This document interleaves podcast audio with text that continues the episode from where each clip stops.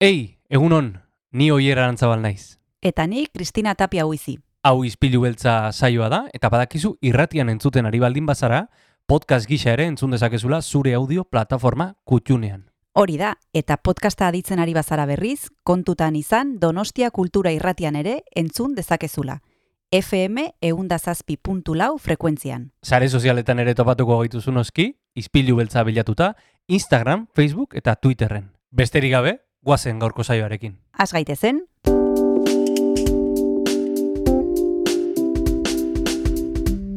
Ispilu beltza.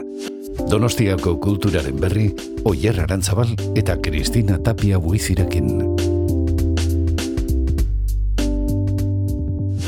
Egun honen zule aztelena da, otxailak hogei ditu eta izpilu beltza aztera doa Donostia Kultura irratian.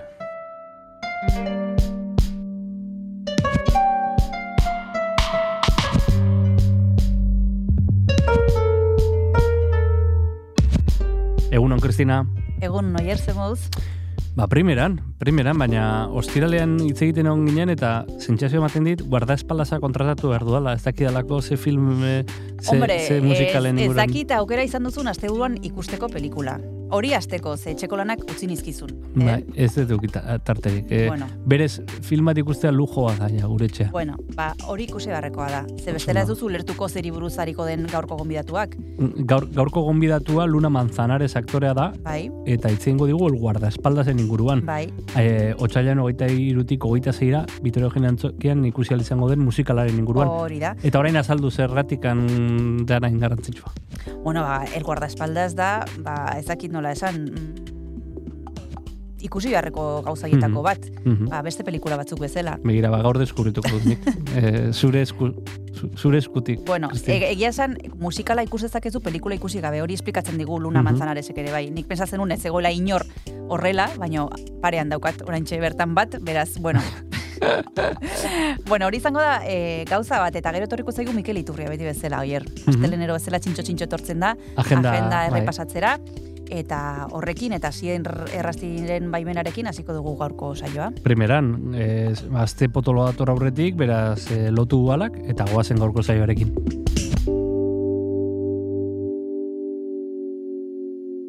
Egun honen zule, goizeko zortzirak dira eta tira, astelena izanik gaurkoan, bueno, era berezian eh, kostatzen zaizkigu ez da, lagin horiek kentzea. Zira, bakuk, eh, kasu honetan eh, gaurko izpilu beltza saioari, era lasai, baino animatu batean emango digu hasiera urtze talde pasaiarraren, maite dut kantua dugulako entzun gai.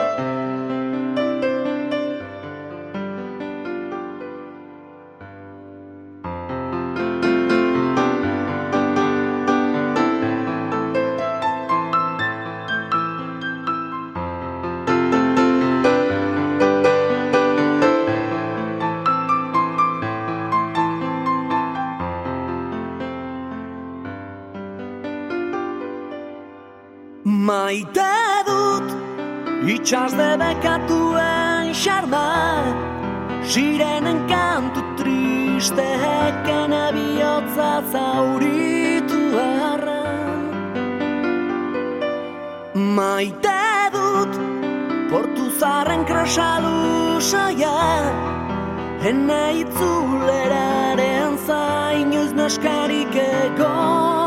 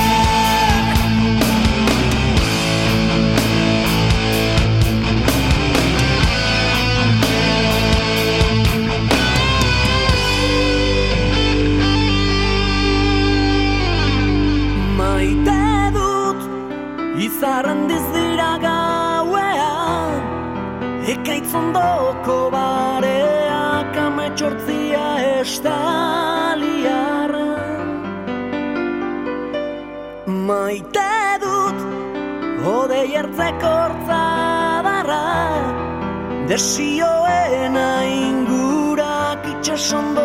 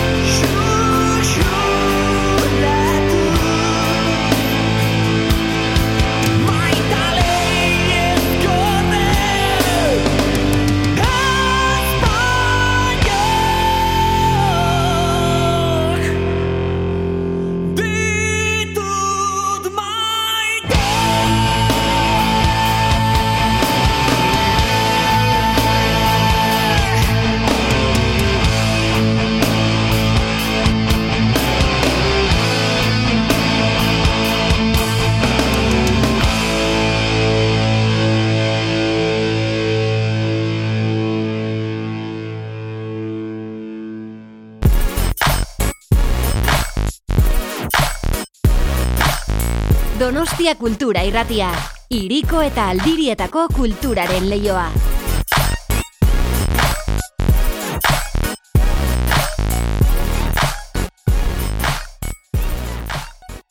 Astelena da, entzule eta bedekizu, astelenetan Mikel Iturria gonbidatzen dugula, asteko agenda errepasatzen laguntzen digu, bera Donostia Kulturako langilea da, eta berari esker, e, jakingo dugu ze gauza interesgarri dauden aste hontan. Egunon, Mikel, zer modu zaude?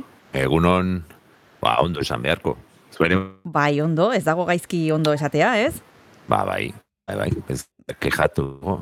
E, aurrekoan elkarri Bai. gina, zeneko Mhm. saioan, hasi errasti lankide... Desbirtualizatzeko zure aukera izan genuen. Hori da. Bueno, elkar ezagutzen genuen, baina, bueno, Mhm. aspaldian egon gabeta. Hori da. Noizean behin erikomeni da egotea. Hori da. Ba, Mikel, guazen gurera, zer iruditzen zaizu, asten bagara agenda errepasatzen, eta hasiko gara antzerkiarekin. Ze emanaldi izango ditugu interesgarriak aste hontan? Ba, guazen eh, lehenengo eta behin musikal batekin, Victoria Eugenian osteunetik igandera egongo dana, sei emanaldi izango ditugu, e, saio bikoitza izango dago izango dugu ostiral eta larun batian. Bueno, thriller romantikoa, duela hogeita mar urteko pelikula bat, e, ba, bueno, ba, e, bizkarzaina eta e, e, superizarren arteko e, zera, e, erromantze edo amodio romantiko hoietako bat. Jendeari gustatzen bali mazaio, ba, zeingo dugu. e, gramisarietan e, hainbat e, izendapen izan zituen garai hartan, urteko albunik onena, Oskerretareko ere izendapenak izan zituen, eta uste dut norbait izango degula gaur honi buruz hizketan, ez da? Hori da, guk gaur gonbidatu dugu Luna Manzanares aktorea eta kontatuko digu nola den Whitney Houstonen papera egitea. Mikel, ze, bueno, ba, dekizu pelikula bere garaian ba, izugarrizkoa izan zela, izugarrizko arrakasta izan zuen. Naiz eta gaur enteratu naizen, Oier Arantzabalek ez duela ezagutzen el guardaespaldas pelikula. Pentsa, Claro. orain badago jende oraindikan ez duela ezagutzen. Hombre, pentsa, mila behatzen eta laroita zortzikoa da, e, oier, pelikula bali bada, laroita mabi edo laroita mairukoa, ba, ba, pentsa. Eta gero beste alde batetikan, ba, asierre errazti igual jaio gabe ongo zan. Igual, igual bai, ez dakit, ez dakit.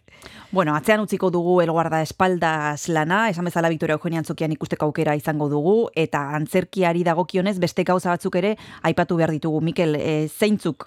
Bueno, beste balde, e, hau xumeagoa da, hostilal iluntzean, lugaritzen izango dugu zazpiterritotik aurrera, nueve teatro, turbulencias, komedia bat, antzerki amaterra, eta zuzendaria lazne berria izango da. Igandean, e, eremu profesionalea bultatuz, lugariz kulturetxean, antzeslan, beste antzeslan bat, lateta kalba taldearen espaldas de plata, bi tipok, ba, politikari baten kanpaina era eramaten dute, publizitate agentzia batean, bi publizista dira, eta politikari horrek, ba, bueno, ba, pasaituan baiturte e, itzalpean, ba, korrupzioagatik, ez, ustelkeriagatik, eta orain lehenengo mailara itzuliko da korrika eta pras, presaka. Sa, labur bildu, salduko galtzen nioke, zure harima dea buruari, ba, ez dizut galdera zuri egingo, Ez, Kristina. guk galdera egingo eta- diogu Txabo Jimenez Ginerriz, eh, lateta kalbako zuzendaria Ah, da, ondo. eta bertan izango dugu, e, ba, berakin e, hitz egiteko aukera izan genuelako, eta komeni da, ba, elkarrizketa entzutea oso in- interesgarria izango delako, eta antzergia Mikel albo batera utzita, ez dugu dantza emanaldirik, baina bai ditugu lau kontzertu, ez? Hori da. E, antzerkia albo batera utzita, ez dago dantza emanaldirik, eta guazen kontzertu batzuk aipatzea.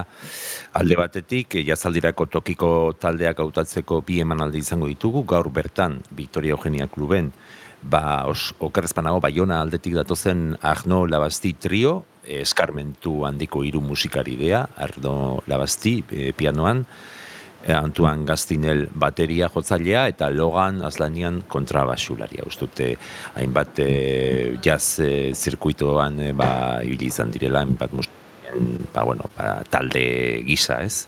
Ostegunean e, kontzertua zazpiterrietan izango da Kutsa Kultur Kluben, tabakaleran dagoen Kutsa Kultur Kluben, eta kasutan ura duo izaneko bimi, e, zera, proiektua da, 2008ko konfinamendutik e, abiatutako e, proiektu bat da, lehenengo diskoa daukate, Quarantine, eta alde dago Ales Aro, saxo jotzailea, eta bestetik pianista, Gonzalo Enzinal. E, beste bikote bat larun batean, hilako eta lau, musik klasizikoan, aieten zazpitan hasiko da kontzertua, itxaso diez eta Noemi Santa Maria izango ditugu, sokaire, biak dia biolin jotzaileak, eta musika klasikoaren garaian, mm, garaian edo bueno, e, mundu horretan mu- murgilduko gaituzte, kontzertu pedagogiko antzestu bat da, behaien ere repertorioa eta eta klasikoa jotzen dituzte, baina lupak eta oinarri elektronikoak erabiliz. Eta orain nengo deguna, zeharo aldatuko dugu e, e, musika eta joango gea Heibi Jaiara, ez? Hogeita bat edizioa, larun batean, larratzeo kulturetxean, alde batik izango dugu Alemaniatik datorren power metal talde bat, Serious Black, bestetik bidazo aldeko gure inguruko eh, Blast Wave taldea, eta Madridik datorren beste metal progresiboan e, e, mo, ere horretan mugitzen den letargus taldea. Hemen egoten diazke alde batetik play bat lehiaketa eta beste lehiaketa batzuk, eta, bueno, pues, e, bakituzte proposatuko dizudan. Ba, talde hauetakoren bat. Bai, hori da. E, Donostia kulturako kultura ekintza taleko buru den Jona Izpuruaren gustuko kanta bat eta taldea Serious Black Out of the Ashes jarriko dugu. Ederki, espero gustatzea bai, eta beste jarri aurretik esan dezagun jebi jaiari buruz hitz egingo dugula hemen Unai Sánchezekin asteazkenean. Eta esan bezala, e, Jona Izpuruari gustatzen baldin mazaio Serious Black, bagoazen entzutera.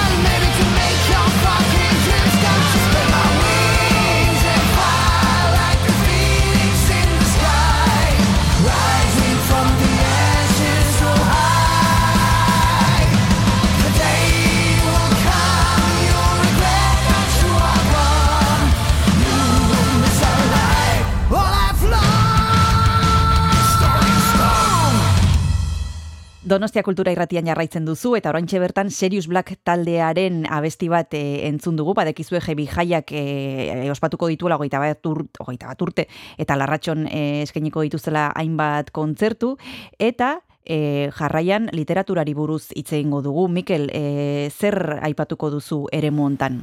Bueno, ba, letren errepublika baitu hainbat e, gauza ditugu, zortzi ekitaldi, gehienak izango dira literatur solasaldiak, sei, oker ezpanago, eta gero bi liburu aurkezpen. Alde batetik gaur bertan lugariz kulturetxean klasiko bat, Sandor Malairen azken itzordua, Maite González Esnalek gidatutako Euskarazko tertulia, frantsesezkoa gaur bertan zazpietan San Jeronimo, Anik Kojeanen Je ne serai- Je ne serai pas arrivé, eh, liburua, uh, miren garmenak idatzen duen uh, literatur sola saldian, nire frantxez uh, marabillosoan. Plus berrogeita maus zerbitzuak bihar hilako eta bat intxaurrondo kulturetxean antolatutako jarduera bat, e, poesiari buruzko txokoa, El Rincón de la Poesia. Aste artean liburu aurkezpena, e, zazpietatik aurrera Erneslu kulturetxean, edurne portela etorriko da Los Ojos Cerrados liburua aurkeztera, e, 2008 biko Euskadi literatura saria, e, lortuzun gaztelaniazko literaturan, elkarrizketa zailea ohikoa dan e, Ilenia Benito izango da, eta gonbidapenak e, otsailaren hogeita batera arte daude, e, ari dira banatzen kulturetxean, eta pentsatzen dute, e, bueno, itxura hona izango duela e, aretoak, e, Edurne Portelaren e, liburu hau e, Los Ojos Cerrados, e, bueno, ba, aurkezteko edo horri buruz hitz egiteko, ze ustu ja portelak eh, martxoan daukala beste liburu bat eh, aurkezteko. Osea, hau da isten ari da bira bat eta beste bat azteko pronto. Aste azkenean, eguardiko amiguetan beste sola saldi bat, okendo kulturetxean, Guadalupe Netel, el matrimonio de los peces rojos, e, gaztelan tertulia da, eta Namerinok giratzen du. Euskaraz eh, asteazkenean zazpietan egia kulturetxean, bai egia Euskaraz da bai egia bizirik elkarte kantolatutakoa da, eta edu zabalaren gidarizapean amaiur eferren profeten iruzurra. Lehen esan dugu liburu orkezpen bat, bigarren bat asteazkenean, poema bilduma, altzako Tomasen kulturetxean, lenguan egon ginen Tomasen kulturetxe hortan, ba, bueno, Maria de Besa García eta Tania Durande Besak, el, espíritu de los pájaros, bien poema bilduma bat aurkeztuko dute, eta aurkezleranak Dori Lansorenak eh, egingo ditu. Literatur tartea amaitzeko ostegunean, topaketa berezia izango da, Entxaurrondo kulturetxean zazpietan. E, Iñaki Urdanibia, oiko tertulia giratzailea izana da, Entxaurrondon, eta kasu honetan ba, bi maizulan jorratuko dituzte, esan bezala saio berezian. Albert Camisen eh, la, la peste eta Zebalen los anillos de, de Saturno. Eta literatura bukatu berri, igual bigarren kanta bat jartzeko tenura heldu zaigu, Kristina. Zer ditzen? Ederki, ederki, ba, zer proposatzen duzu tartontarako? Ba, hain nintzen entzuten, hola bakizu, e, Spotify ematen dizkizun bat aukerak eta kanta berriak Bai. eta eta kanta batekin Halloween Store handi xaufena da, aurten argitaratutakoa, osea, 2023koa da, norm izeniko diskoa. Bai. Eta gero ibili nintzen nik Wikipedian begira zein zen tipua, hau da, Kanadako musikari bat, musikaria, Mhm. bezlaria, sortzailea, eta bitxikeria moduan, gari batean potpunk eh, banda kristau bateko bateria jotzaile izan zala irakurri dut. Captain taldekoa, mila batzen talaro eta seikoa da, okerrezpanago. Eta bueno, pues entzun dezagun.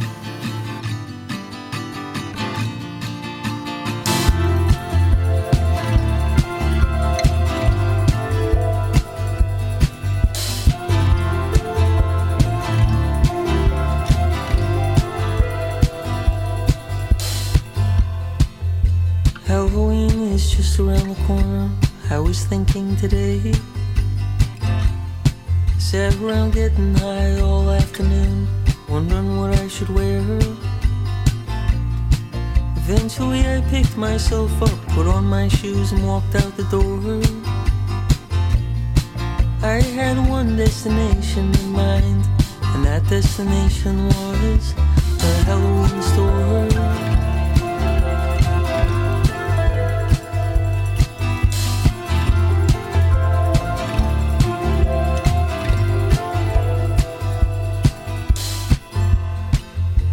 I started my car, and as I did, I wondered if I'd locked the house.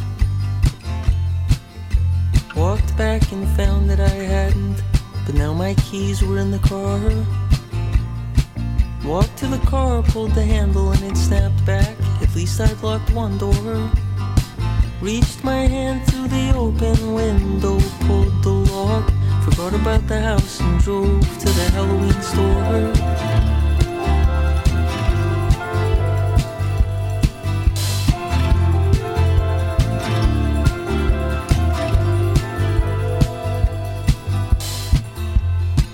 I pulled into the lot and parked next to a blue car like yours.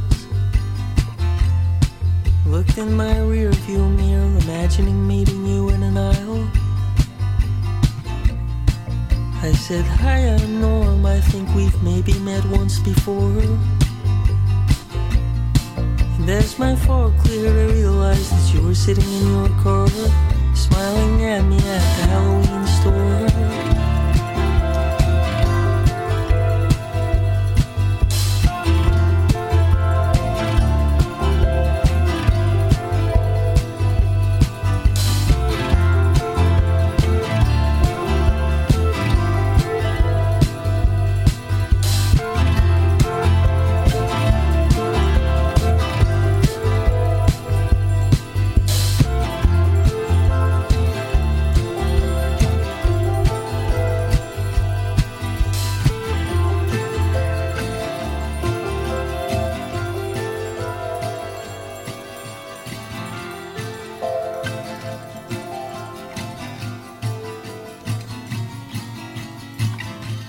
Izpilu beltzan ari gara Donostia Kulturako agenda errepasatzen eta badekizue horretarako astelenetan Mikel Iturria gonbidatzen dugula eta pixkanaka pixkanaka ari gara aurreratzen. E, Mikel, guazen beste gauza batzuk aipatzera. Zer gomendat zer gomendio dituzu guretzako?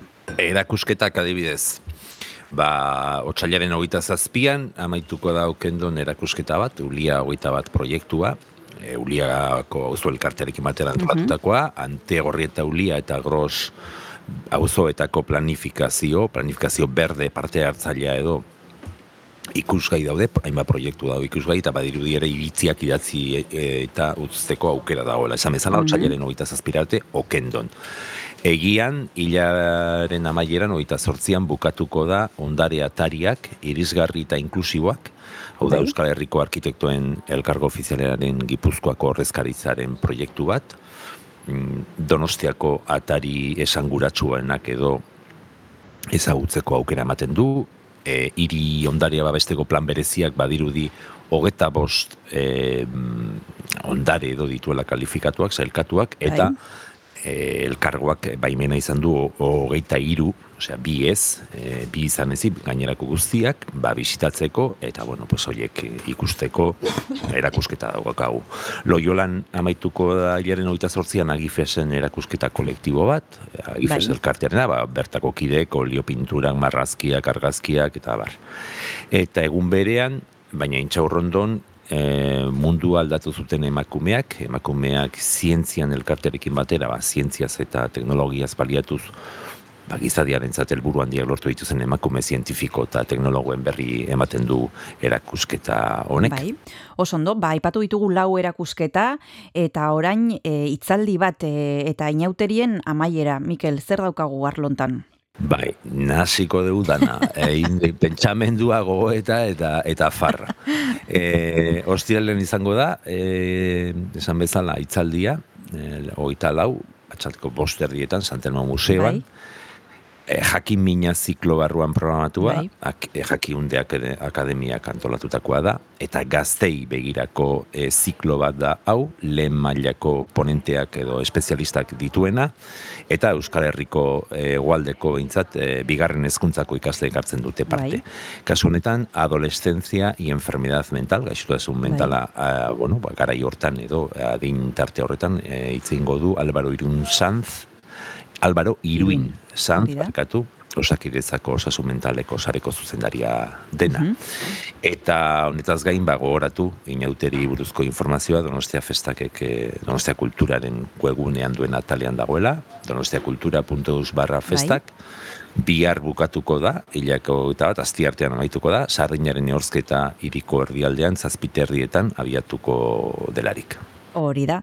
Lehen esandako hitzaldia eta inauterien azken txampari aipamen eginez, e, gu ere sartuko gara azken txampan aurrak. Mikel, zer gauza izango ditugu aurren, aurrek, aurrak dituzten familientzako? Bueno, ba, bi, bi emanaldi edo gogoratuko ditugu, hilaren hogeita bostean, larun batean biak izango dira bostetan, bata okendon, Imanol Bai. Itxu, Ituino Magoaren emanaldia, Bai? lau amar urte bitarteko aurrentza da, eta gonbidapenak otsailaren ogoita batetik aurrera kulturetxean bertan eskuragai. Mhm. Ernest Luken ere badago beste saio bat, eh, pailazoak, txorroskilo pailazoak, eta, Bai. bueno, ba, dirudien ez lehenengo lehen eskola eguna dute pailazoek, eta ba horren berri emango dute, ez da ondo pasako duten, gaizki pasako duten, baina bueno, pentsatzen dut hiru urtetik gorako horrei behirat e, aurrentzako emanaldia da, eta gonbidapenak jada e, eskuda daitezke kulturetxean bertan. Ederki, ba, beti bezala maitu aurretik gogoratu behar dugu komeni dela gertutik eh, jarraitzea Donostia Kulturaren sare sozialak, batez ere abildua Donostia Kultura kontua Twitterren eta webgunea donostiakultura.eus. Azken orduko aldaketen berri izateko, amaitu dugu beraz, asteko agendaren errepasoa, baina gaur E, agur esan aurretik, kantu bat aurkeratu behar duzu, Mikel, e, zer pentsatu duzu? Bai, guazen mozorroak, eta, eta bar, hasi errasteri izango dio jantzen jaz, e, jartzeko, unidad alabeza taldearen Hombre. matematiko biltzarra, orduan, e, kanta honekin izango dugu aio, aio. Mm, Ederki. Okerrezpano, nik ez ditut ezagutzen, baina ondarribiko e, iru tipo mendia, Bingen, Andoni eta Gabirel. Bueno, ba, besti honekin esango diogu Mikel Iturriari aio eta hurrengo aster arte, eskerrik asko eta besarkada bat. Venga, aio. Aio.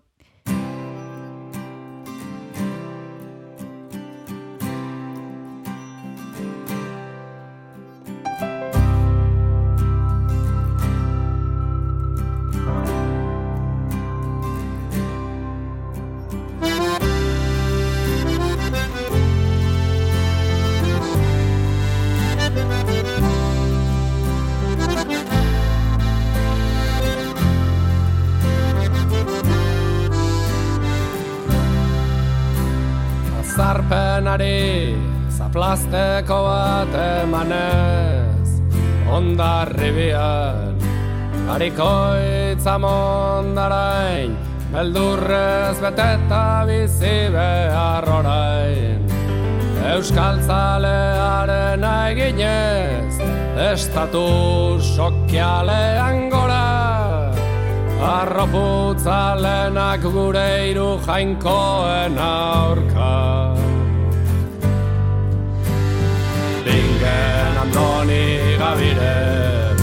Matematiko biltzarra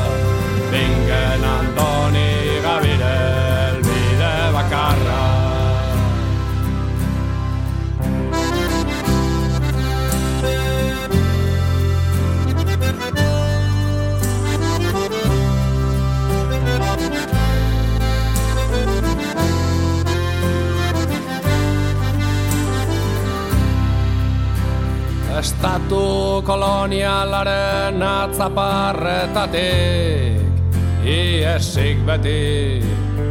Meritokrazia hurren mankorretarantz Eramanaz.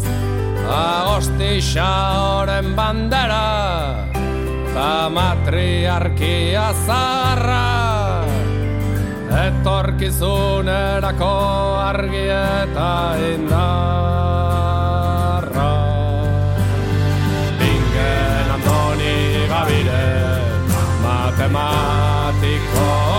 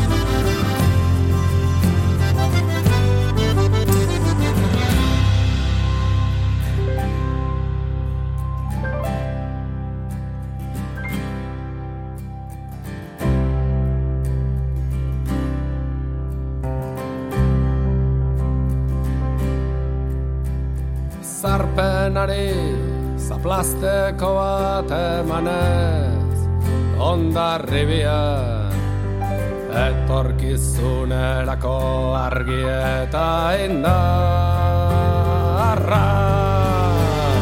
Bingen Andoni Gabire Matematiko biltzarra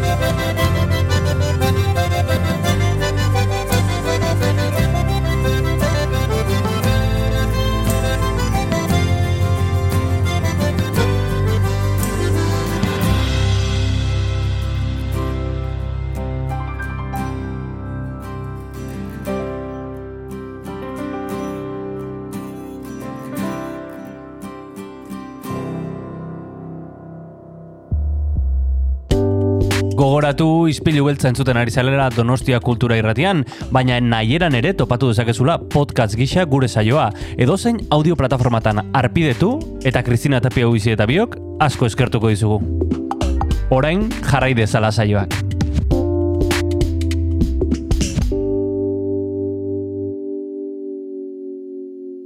Gaur musikal baten inguruan arituko gara izpilu beltzan El Guardaespaldas izena du, Victoria Eugenia Antzokian ikusteko aukera izango dugu.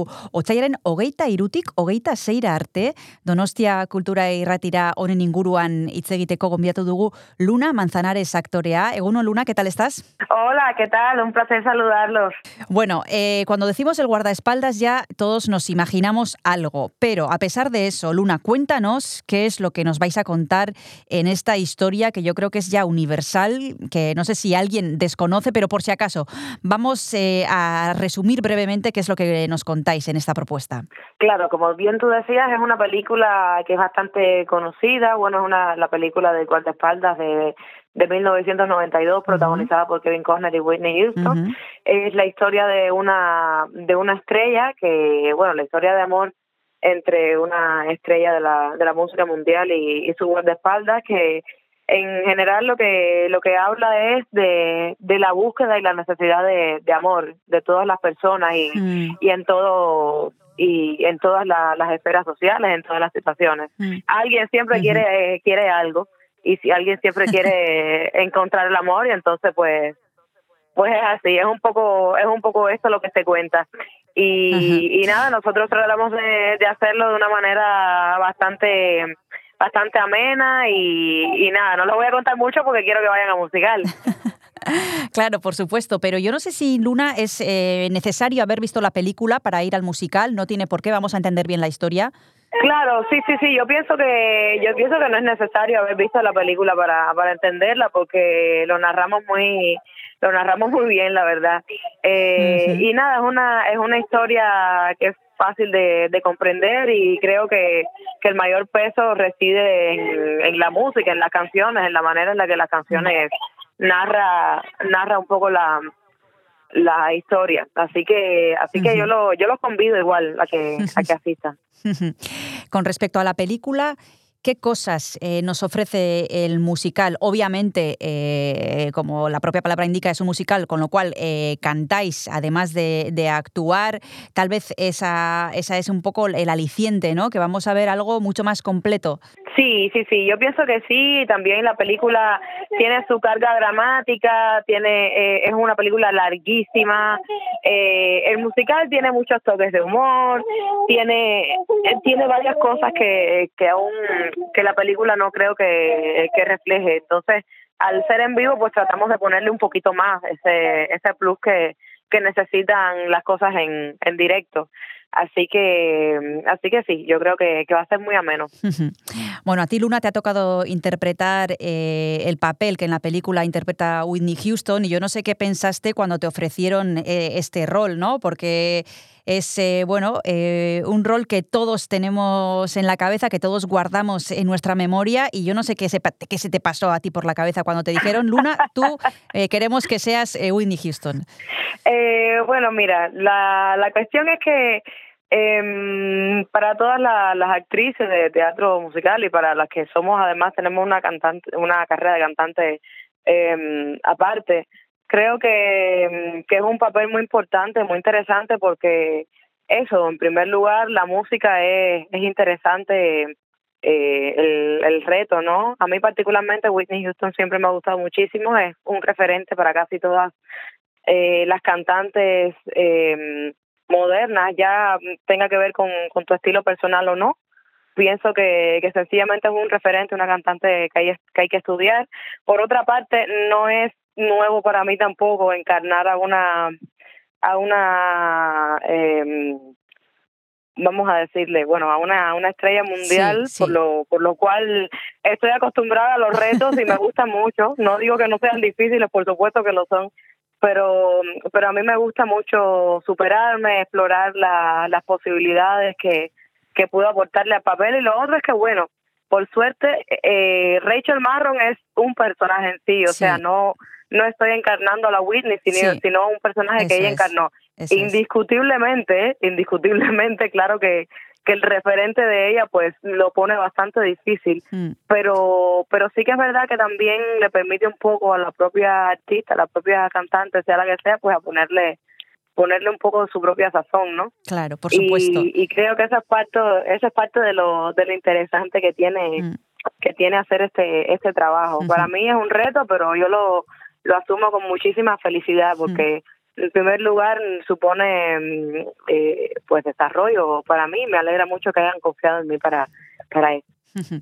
Hablas de dos palabras muy importantes, reto y dificultades, sobre las que te voy a preguntar ahora mismo, Luna, pero nos vamos a tomar un descanso y volvemos ahora mismo.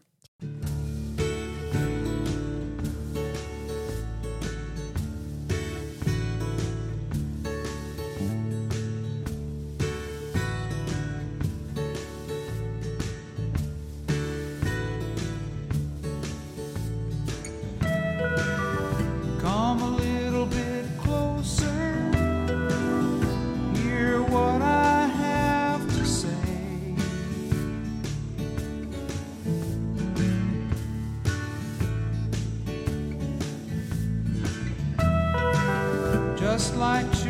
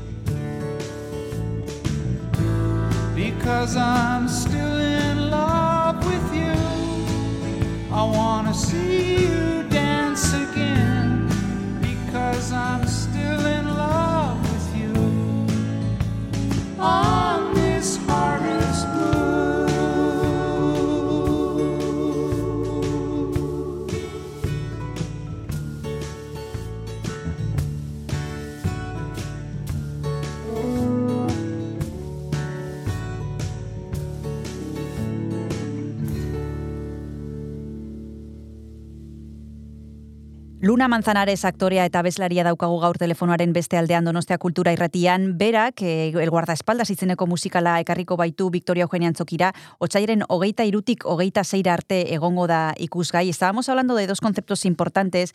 Eh, supone un reto para ti este trabajo, encarnar a Rachel Marron, como decíamos, y yo no sé si ha habido alguna dificultad en este proceso, eh, bueno, hasta que culmina encima del escenario, algo que te haya costado especialmente y a su vez algo que te resulte especialmente placentero en este trabajo. Claro, eh, pues sí, mira, siempre siempre un papel como este supone supone un reto, tiene sus dificultades porque por supuesto era lo que hablábamos que tratas de, de satisfacer eh, las expectativas de la de la gente, por, so- sobre todo porque tiene eh, tienen un referente al cual acudir en este caso, ¿no?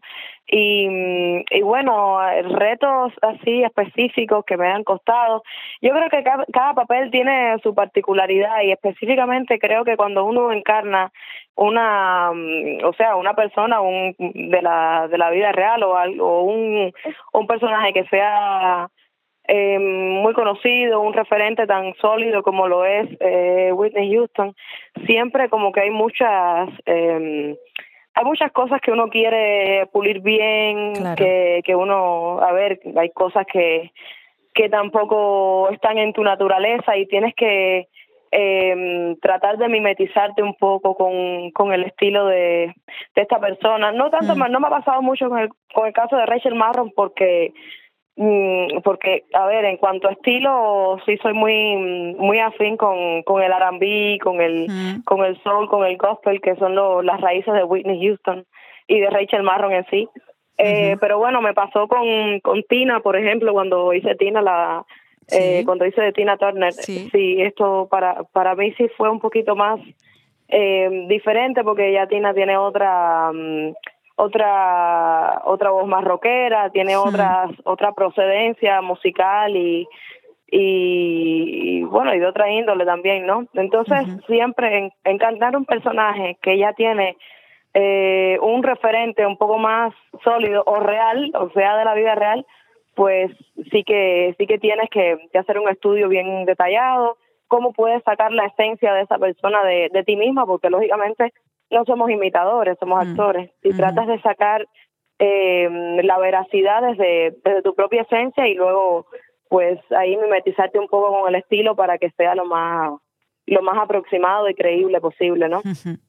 Y bueno, eh, te quería preguntar también, Luna, por la reacción del público hasta el momento. ¿Qué os estáis encontrando en el patio de butacas? ¿Qué os está diciendo la gente? ¿Cuáles son las caras que vosotros veis desde ahí arriba? Hombre, la verdad que está siendo maravilloso. A mí, a mí me está, me está sorprendiendo mucho que hasta ahora, hasta donde quiera que vamos, eh, los teatros están llenos, el público lo recibe muy bien. eh, creo que es un musical que, que funciona muchísimo, ya sea porque tiene algunas, porque tiene canciones conocidas, ya sea por por lo que logramos en escena. Eh, yo la verdad que estoy muy contenta porque porque lo que siempre me encuentro al final de la del show es eh, miles de, de caras contentas, aplaudiendo a rabiar y eso es algo que a uno le, le llena muchísimo. Y, y claro, por supuesto, tratas de, de estar a la altura todos los días en cada ciudad que estás y, y nada, es maravilloso, está siendo una experiencia maravillosa y estoy muy, muy agradecida por ello. Sí, porque al hilo de esto ya hemos dicho al principio que Luna Manzanares y el resto de los integrantes de esta propuesta llamada El Guardaespaldas eh, vais a estar en el Teatro Victoria Eugenia desde el 23 hasta el 26, algo que mm, la verdad no es muy habitual que una propuesta repita ya no solo dos días, sino va- varios, como es vuestro caso. Yo no sé si esto es un regalo ¿no? Que ya de entrada eh, estéis programados pues varios días seguidos. Yo creo que sí, en el musical es eh, es habitual, sí, que, que lo que representemos todos los días. Ahora, no no no sé cómo funcionan la- las giras acá, porque es la primera gi- gira que hago con un musical dentro de. España, ¿no? Pero, pero la verdad es que, bueno, el musical funciona así para que eh, para que pueda, para que el público pueda, la mayor cantidad de público pueda verlo. Lo que me alegra es que esta es la cuarta gira del guardaespaldas. Y, y eso significa que es un musical que indiscutiblemente funciona, que, que gusta y, y es un halago. Y si es un halago, no solo que, que lo programen varios días, es un halago tan siquiera que lo quieran llevar a, a la ciudad, ya eso es un, un logro grandísimo para nosotros. Eh, porque sería, o sea, hay que pensar que hay que mover toda una, una producción para allá, muchas Mm. personas, porque el musical requiere de, de un equipo enorme de personas y solo el esfuerzo que supone que supone hacer una representación eh, pienso que, que es un que es un halago enorme que no que quieran hacer todo esto solo para poderle brindar el, el show por unos días al, al público estoy estoy muy contenta por eso Bueno, pues ahora mismo vamos a seguir hablando con Luna Manzanares del guardaespaldas. Nos vamos a tomar el segundo descanso y volvemos enseguida con ella. If I should stay, I would only be in your way. So I'll go, but I know I'll think of you every step of the way.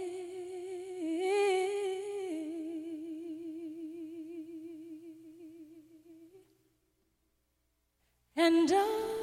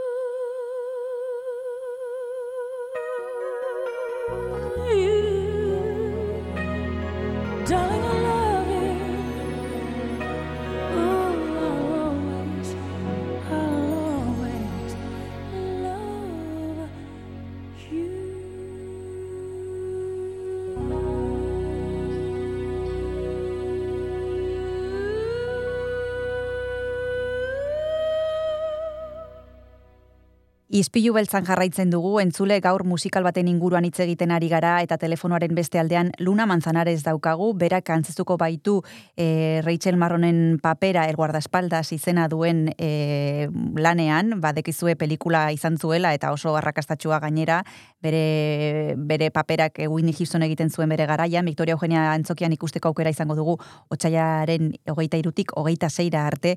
Estábamos hablando de este trabajo que vais a tener ocasión de presentar durante varios días aquí en Donosti. Eh, antes has mencionado varias cosas interesantes, Luna, que por ejemplo vosotros tenéis que hacer vuestro, vuestro personaje a pesar de que tenga un referente en una película, como es este caso. Eh, tenéis que actuar, tenéis que cantar y yo desde fuera y sin pertenecer a este mundo me parece eh, bueno, misión imposible eh, hacer tantas cosas al mismo tiempo. Eh, ¿Cómo lo hacéis? ¿Cómo se prepara un trabajo? Bueno, yo, tú te llevas mucho tiempo en esto, ¿no? Pero cuéntanos eh, y cuéntame em, a, para una persona que no es de este mundo, cómo se trabajan tantos aspectos diferentes, ¿no? Porque en vuestro caso, bueno, hacéis muchísimas cosas y al mismo tiempo, y eso resulta Sí. así, visto desde fuera, muy difícil. Hombre, pues muchas gracias en primer lugar. y en segundo, bueno, pues mm, se logra con como se logra casi todo, casi toda disciplina en, en esta vida, con mucha, eh, con estudio, con, sabes, con sistematicidad, con repetición. Eh, nada, la cuestión es eh, una vez que es entender, en, en mi caso, yo te diría que es importante entenderlo todo como un mismo lenguaje.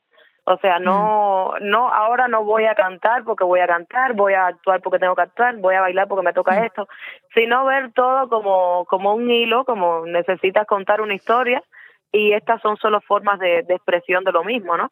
Y, y bueno, técnicamente, por supuesto, esto se logra, ya te digo, con mucho ensayo y con mucho estudio detrás de eso, como, como todo en la vida, ¿no? Pero, mm, pero nada, es eh, aunar las, las tres disciplinas dentro de un mismo espectáculo, es un poco eso, solo, solo contar la, la historia, eh, pues con la expresión, la manera de, de expresarte que, que, que vaya en ese momento. Y hay una cosa muy bonita del, del musical, que es que el director o el guionista, más bien, el guionista cuando, cuando lo hace, si es lo suficientemente bueno, o sea, todo, todo queda, todo queda eh, de una manera, dicho de una manera orgánica. Hay a veces eh, las cosas no las puedes expresar de otra manera y tienes que de momento abrir la boca y cantar una canción, ¿sabes? O sea, es, es verlo, es verlo todo así, como, como con un mismo, con un mismo hilo y, y bueno ya ya lo otro es pues pues técnica repetición hasta que no te cueste tanto. En el escenario, quien te da la réplica principalmente es eh, Octavi Pujades. Eh, yo no sé si tiene que haber química para que el resultado sea excelente o no tiene por qué. Simplemente os ejecutáis cada uno vuestra parte y ya está. O es mejor si hay eh, buena relación entre, entre los actores. Hombre, yo siempre pienso que es bueno, es importante que haya relación entre los entre los actores. Octavio es un actor maravilloso que creo que que no importando quién quién esté eh, en el escenario va a hacer su papel genial. Sin embargo, es una persona, lo que tiene de talentoso lo tiene de, de bella persona y eso facilita muchísimo el trabajo. Es un actor que, que además apoya apoya muchísimo a, a, a todos los que están en el escenario con él y eso lo hace lo hace todo muchísimo más más fácil. Y personalmente la verdad que creo que, que es estelar. Nos llevamos muy bien así que yo espero que eso se se vea en, en las tablas. Y, y ya te digo eso es importante para para todo el elenco. O sea con Octavio por supuesto paso la mayoría del del tiempo en escena pero es algo que puedes respirar incluso del elenco entero. Eh, que todos nos llevamos bien, que somos una, una gran familia y eso eso para mí es muy importante cuando estoy una en una producción. No siempre se logra, pero sí hace la diferencia cuando cuando o sea, cuando lo aprecias desde fuera. Y los que ya llevamos un ratico en esto también sabemos verlo cuando es así, cuando no es así en otras producciones. Y eso es lo bueno que tiene esta, que, que le puede le puede faltar cualquier cosa, puede que un día no no salga una carra o no haya una luz por cuestiones técnicas, por lo que sea, pero siempre la representación va a tener la calidad máxima, no solo porque somos todos profesionales, sino porque porque todos tenemos muy buena química en, en el escenario. Ha sido una, una elección de casting muy buena. Bueno, y la crítica, eh, yo creo que se ha dado cuenta de esto porque habéis recibido muy buenas palabras. Eh, este espectáculo ha recibido eh, críticas de lo más positivas. Yo no sé si influyen eh, las positivas eh, tanto como las negativas. Intentáis no hacer caso de ninguna que no os influyan demasiado. ¿Cómo os tomáis eh, lo que puedan decir de vosotros, de vuestro trabajo? Hombre, la verdad es que yo no suelo no suelo leer nada de eso. no sé si está bien o mal, pero pero la verdad es que no no suelo hacerlo. Yo o sea, trato de, de mejorar las cosas que sé que están ahí. También confío en, en mi director, que, que es quien lo ve de fuera todos, pero todos los días religiosamente. Y, y que está dentro del público, que escucha al público y sabe sabe por dónde van lo- los criterios, qué salió bien esta noche, qué salió menos bien. Eh, y yo confío en esa visión, porque incluso a veces uno, en lo personal, tiene una, una percepción de lo que está haciendo en escena y, y desde fuera se ve de una manera totalmente distinta, o, o te escuchas raro, o no sé qué, y entonces ya luego cuando pues cuando preguntas, pues nadie se entera, y entonces eh, yo yo suelo confiar más que en mi que en mi sensación interna eh, sobre todo en lo que en lo que ven en lo que ve el director que es quien conoce el espectáculo quien sabe a dónde va y que además está escuchando el público in situ. Eh, pero bueno las críticas yo realmente eh, no suelo guiarme mucho por eso porque creo que, que es una que es algo muy subjetivo. El arte de por sí es subjetivo, no es como el deporte que tú dices, bueno, fulanito llegó el primero a la, a la meta. Eh, no, el arte no es una competición de 400 metros con vallas, es, es sencillamente una cuestión de, de, de percepción, de gustos, de cómo leas eh, tú ese momento. Entonces, yo suelo guiarme por el director, por lo que pasa en el escenario y por mi propio instinto. Y eso sí, trato de perfeccionar todos los días lo que pueda ser perfeccionable e incluso lo que no crea, pues también. Entonces, creo que eso es lo que le da eh, cabida a, lo- a los comentarios positivos. Y al final lo que me importa es que la gente se lo pase bien. Ese- Claro. Ese, ese, sí es mi trabajo. Claro. Bueno, pues la gente tiene la oportunidad de pasárselo muy bien eh, con Luna Manzarales y el resto del equipo del guardaespaldas, porque como hemos dicho, van a estar en el Teatro Victoria Eugenia desde el 23 hasta el 26 de febrero. Muchísimas gracias, Luna, por haberte acercado a Donostia Cultura y Ratía y un abrazo muy grande. Hasta la siguiente. Gracias. Un abrazo para todos. Muchas gracias por tenerme.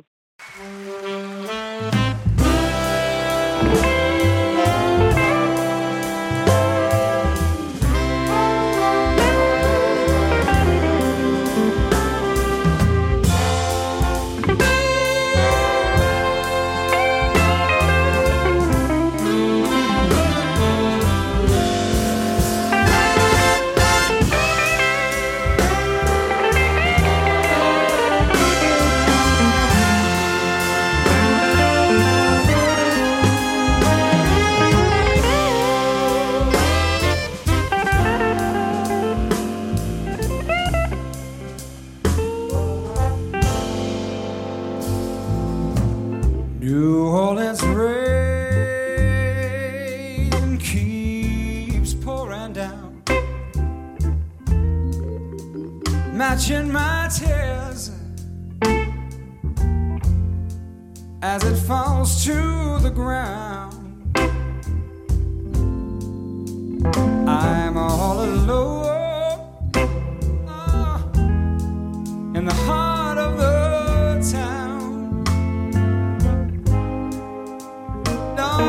for someone who don't come around.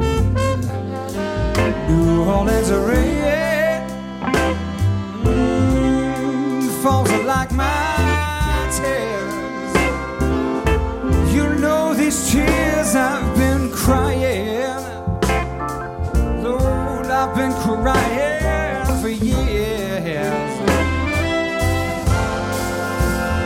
sound of the raindrops. Oh, they're about to drive me insane. All I hear is the sound of the New Orleans rain.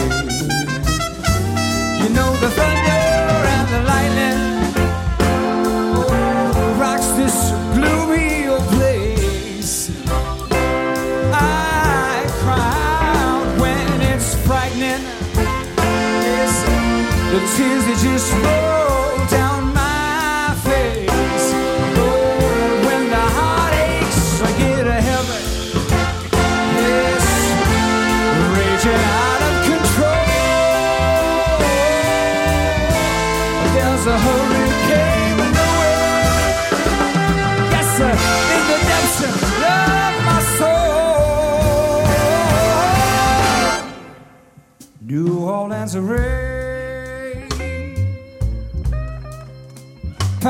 my roof.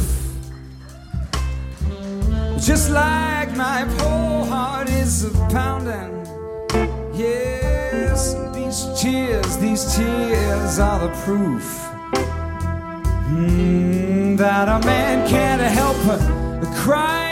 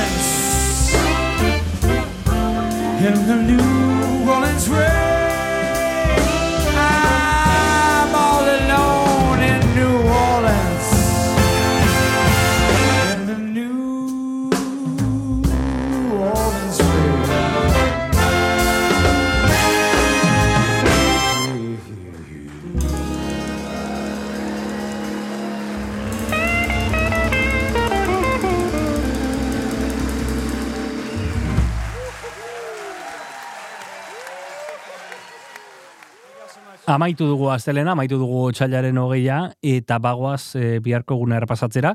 Biharko guna ere betea datorrelako.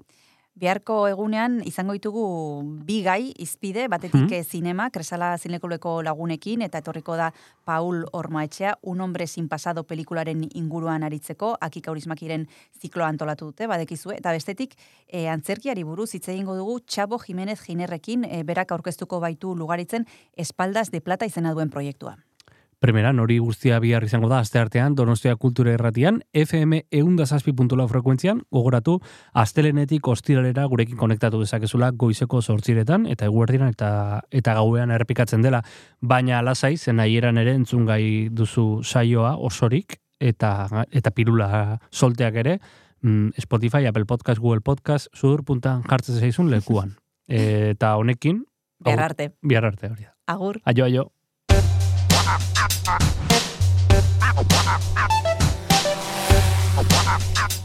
Donostia Kultura Irratia. Zabaldu gurekin Donostialdeko kulturaren leioa.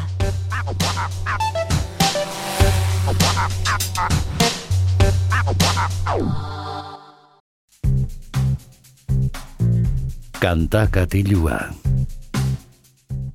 Ongi etorri entzule, ni asier errasti naiz eta datozen minutuetan badakizue ispilu beltza irratsaioan musikari egingo diogula tartea. Kris eta Oier agurtu ditugu, baina guk eh, astelen honi erritmo eta, bueno, animo pixkat ere ipitzen saiatuko gara esan bezala, hemendik amarrak bitarte. Eta hain zuzen, erritmoa ipintzen eh, lehenengo protagonista Joseba Irazoki beratarra izango da. E, berak, bueno, ba, 2000 eta hogeita bi amaieran Split izaneko EPA albuma kaleratu zuelako eta bertako single kantua entzutera goazelako. Luka.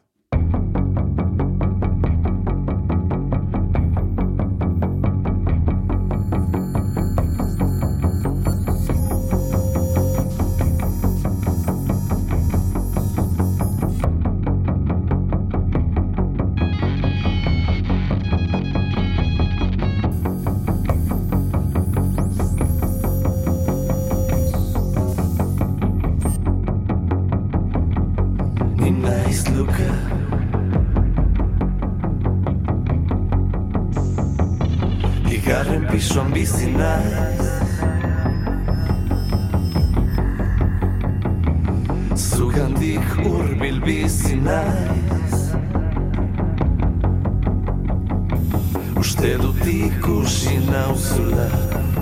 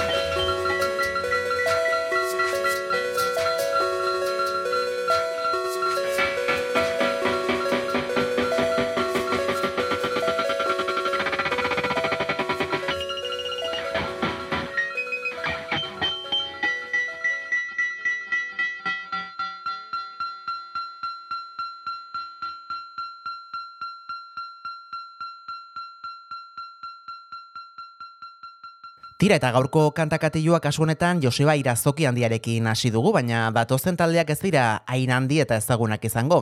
Horregatik e, gure gaurko dinamika izango da e, lehenik eta behin e, artista euskaldun batek azken aste edo hilabetetan plazaratutako kanta ipintzea eta ondoren e, pixka batek kokatze aldera artista horren kanta ezagunena entzutea. Kasu honetan orain Luka Split albumeko aurkezpen kantu entzun dugu e, Joseba Irazokik Petxi artistarekin batera egindakoa, eta orain, ba, bueno, dudari gabe Joseba Irazoki entzutean burura etortzen zaigun kanta hori entzungo dugu. Lucio eta duruti du izena, eta 2000 eta emezortzi garren urtean zu altzara diskako kantua izan zen.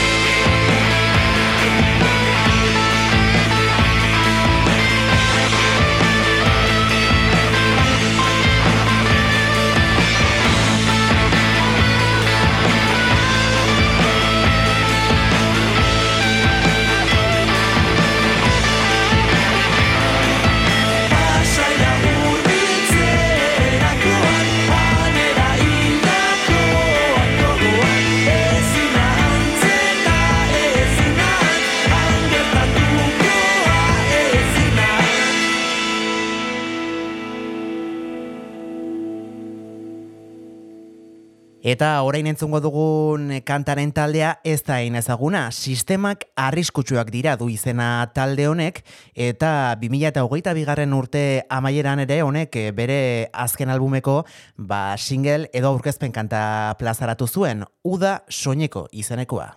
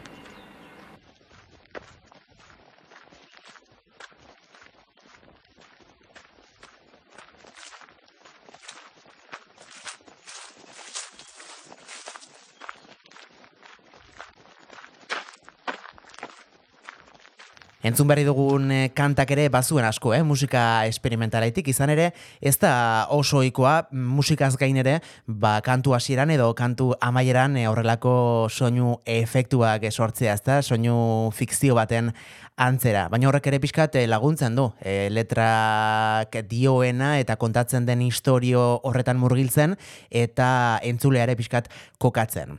Eta jarraian entzungo dugun kantaren egilea STR taldea da. E, talde bizkaitarra dela esan behar nuen, baina egia da hainbeste musikari dituela, batzuk nafarrak, e, bate hon bat ere gipuzkoarra baduela, e, baina egia da gehienak e, bizkaitarrak direla.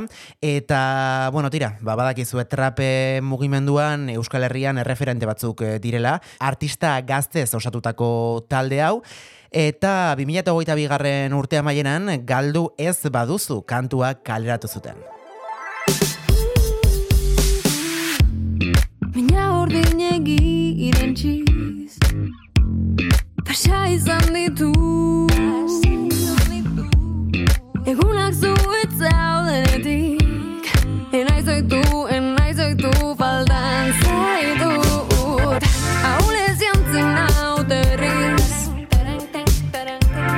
Dena hortitzegi Denbora galtze utxonetan Ezkatu naiz, jaberdin zait, kezkabarik Biluzten hasita naiz. Zertarako pauso bat atzera. Denen ahotan zazpetizu Zu gabetzeko zer aukeran Sekula enukela zer lortu. Zertarako pauso bat atzera. Sekula enukela zer lortu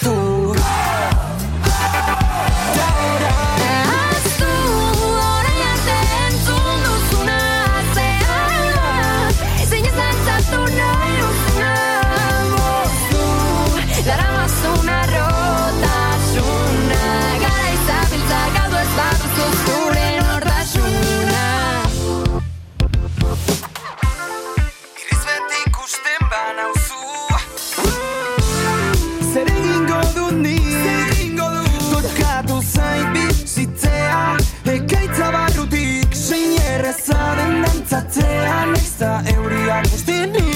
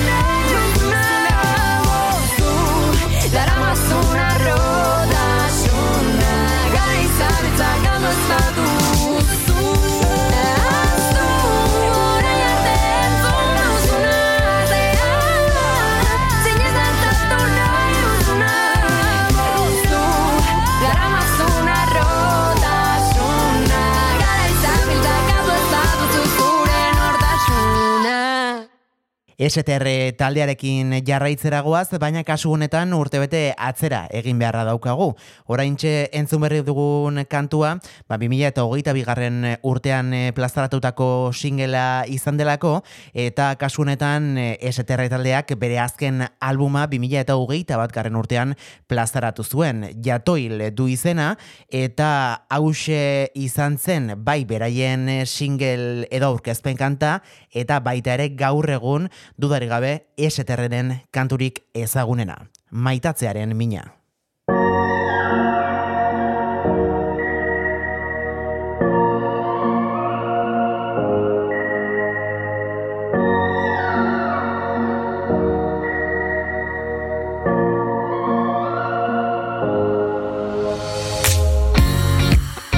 Biotza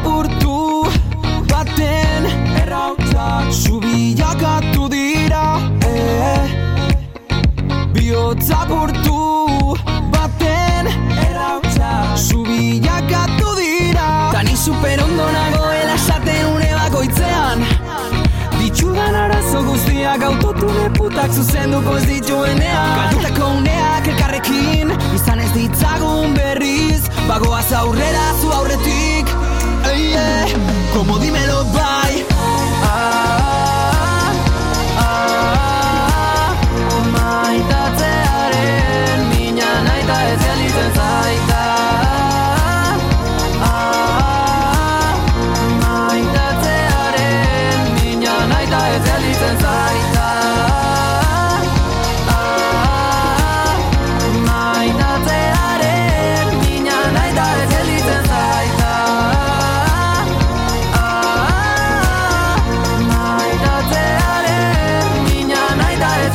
Biderik gabe nabil zure bia Ikus ezina, nire itzaki ukazina Tengo jarabe pater de mía Esclava de esta melodía. Cubierta en paños mi dulce ironía. Dastatu ezazu mami eta oraindik etzabe Zerrein jakin gabe Errautxak su egin dute Baina zu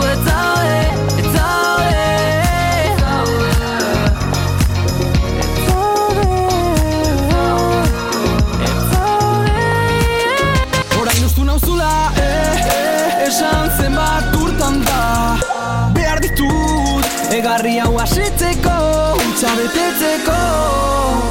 Zatitan saka banatu naizela, ondan apurrak jasotzen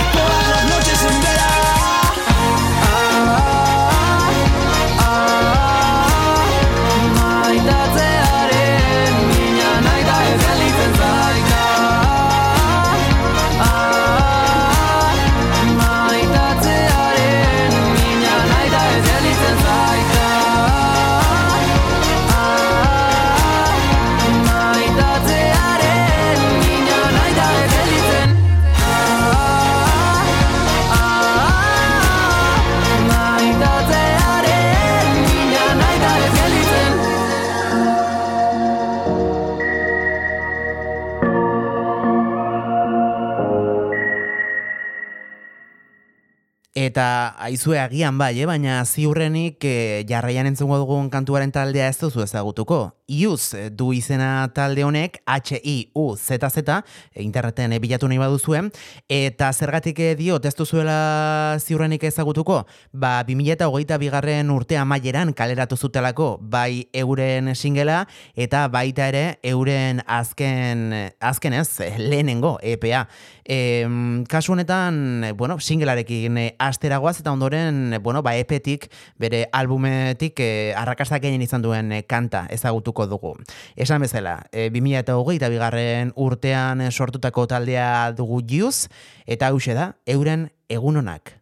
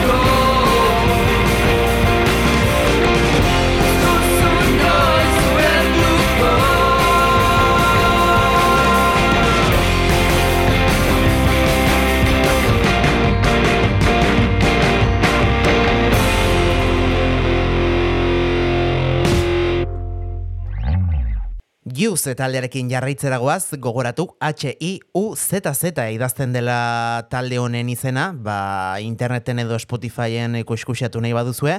E, nire egia esan gustatu zaite taldea, ez nuen ezagutzen, eta singela entzun berritan, egun honak e, izenpean, orain, e, bueno, ba, beraien lehen diskako kanturik arrakastatxuena esan genezake ezagutuko dugu. Begiradak fokupean.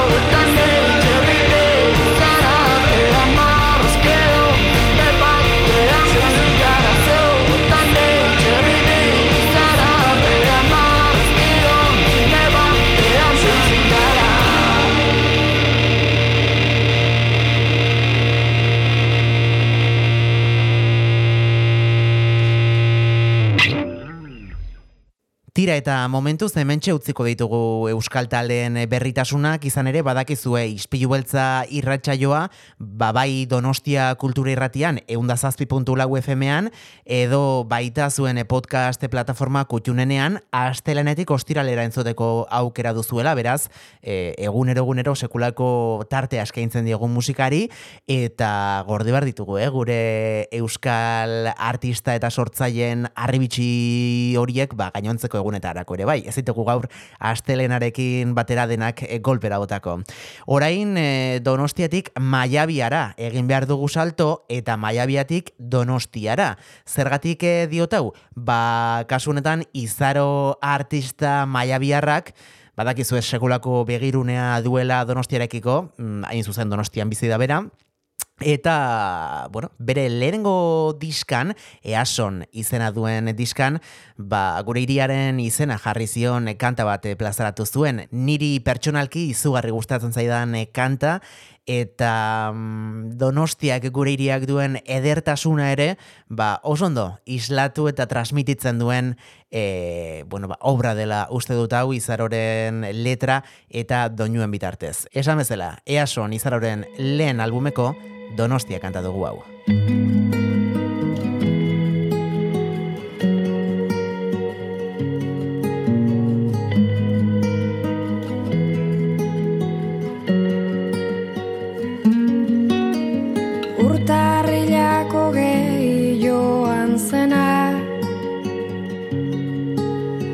Danborkada bakoitzean paparrean odolusten bazaizu.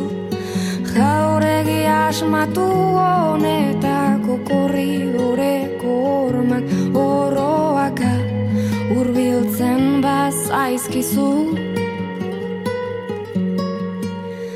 Atzerri abostak obea txuloti Ikus badez akez utzi nahi ez arren atezarrek Zirrikitu asko haundi egiak dituzte aizu Eta bertatik isurtzen bazaituzu Aurten gogutako iraungitze datak Zertaz ari naizen badakizu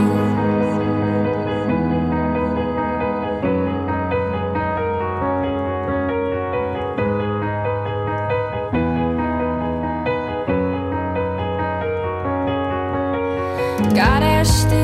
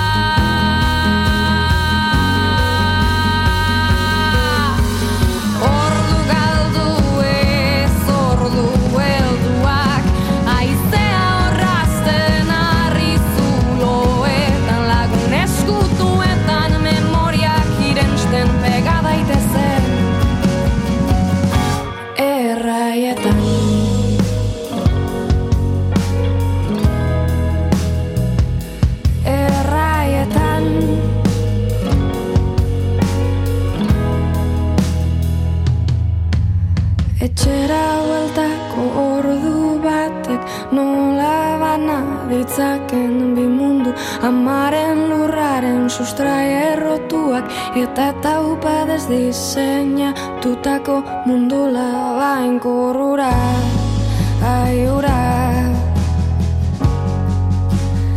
Galdu nahi ez dudan arren telefonorik ez duen ura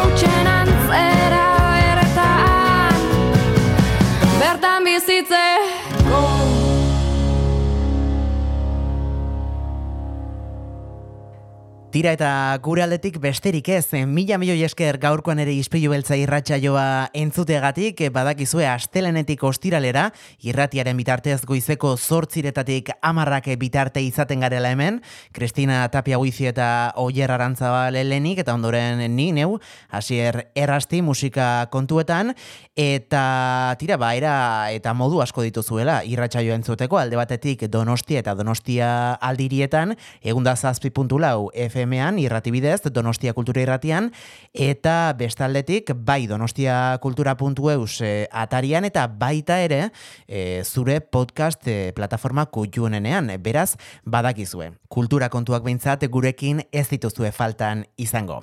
Besterik ez, bihar entzungo gara elkar, hementxe ispilu beltza irratsaioan, ordura arte, txintxo ibili, agur.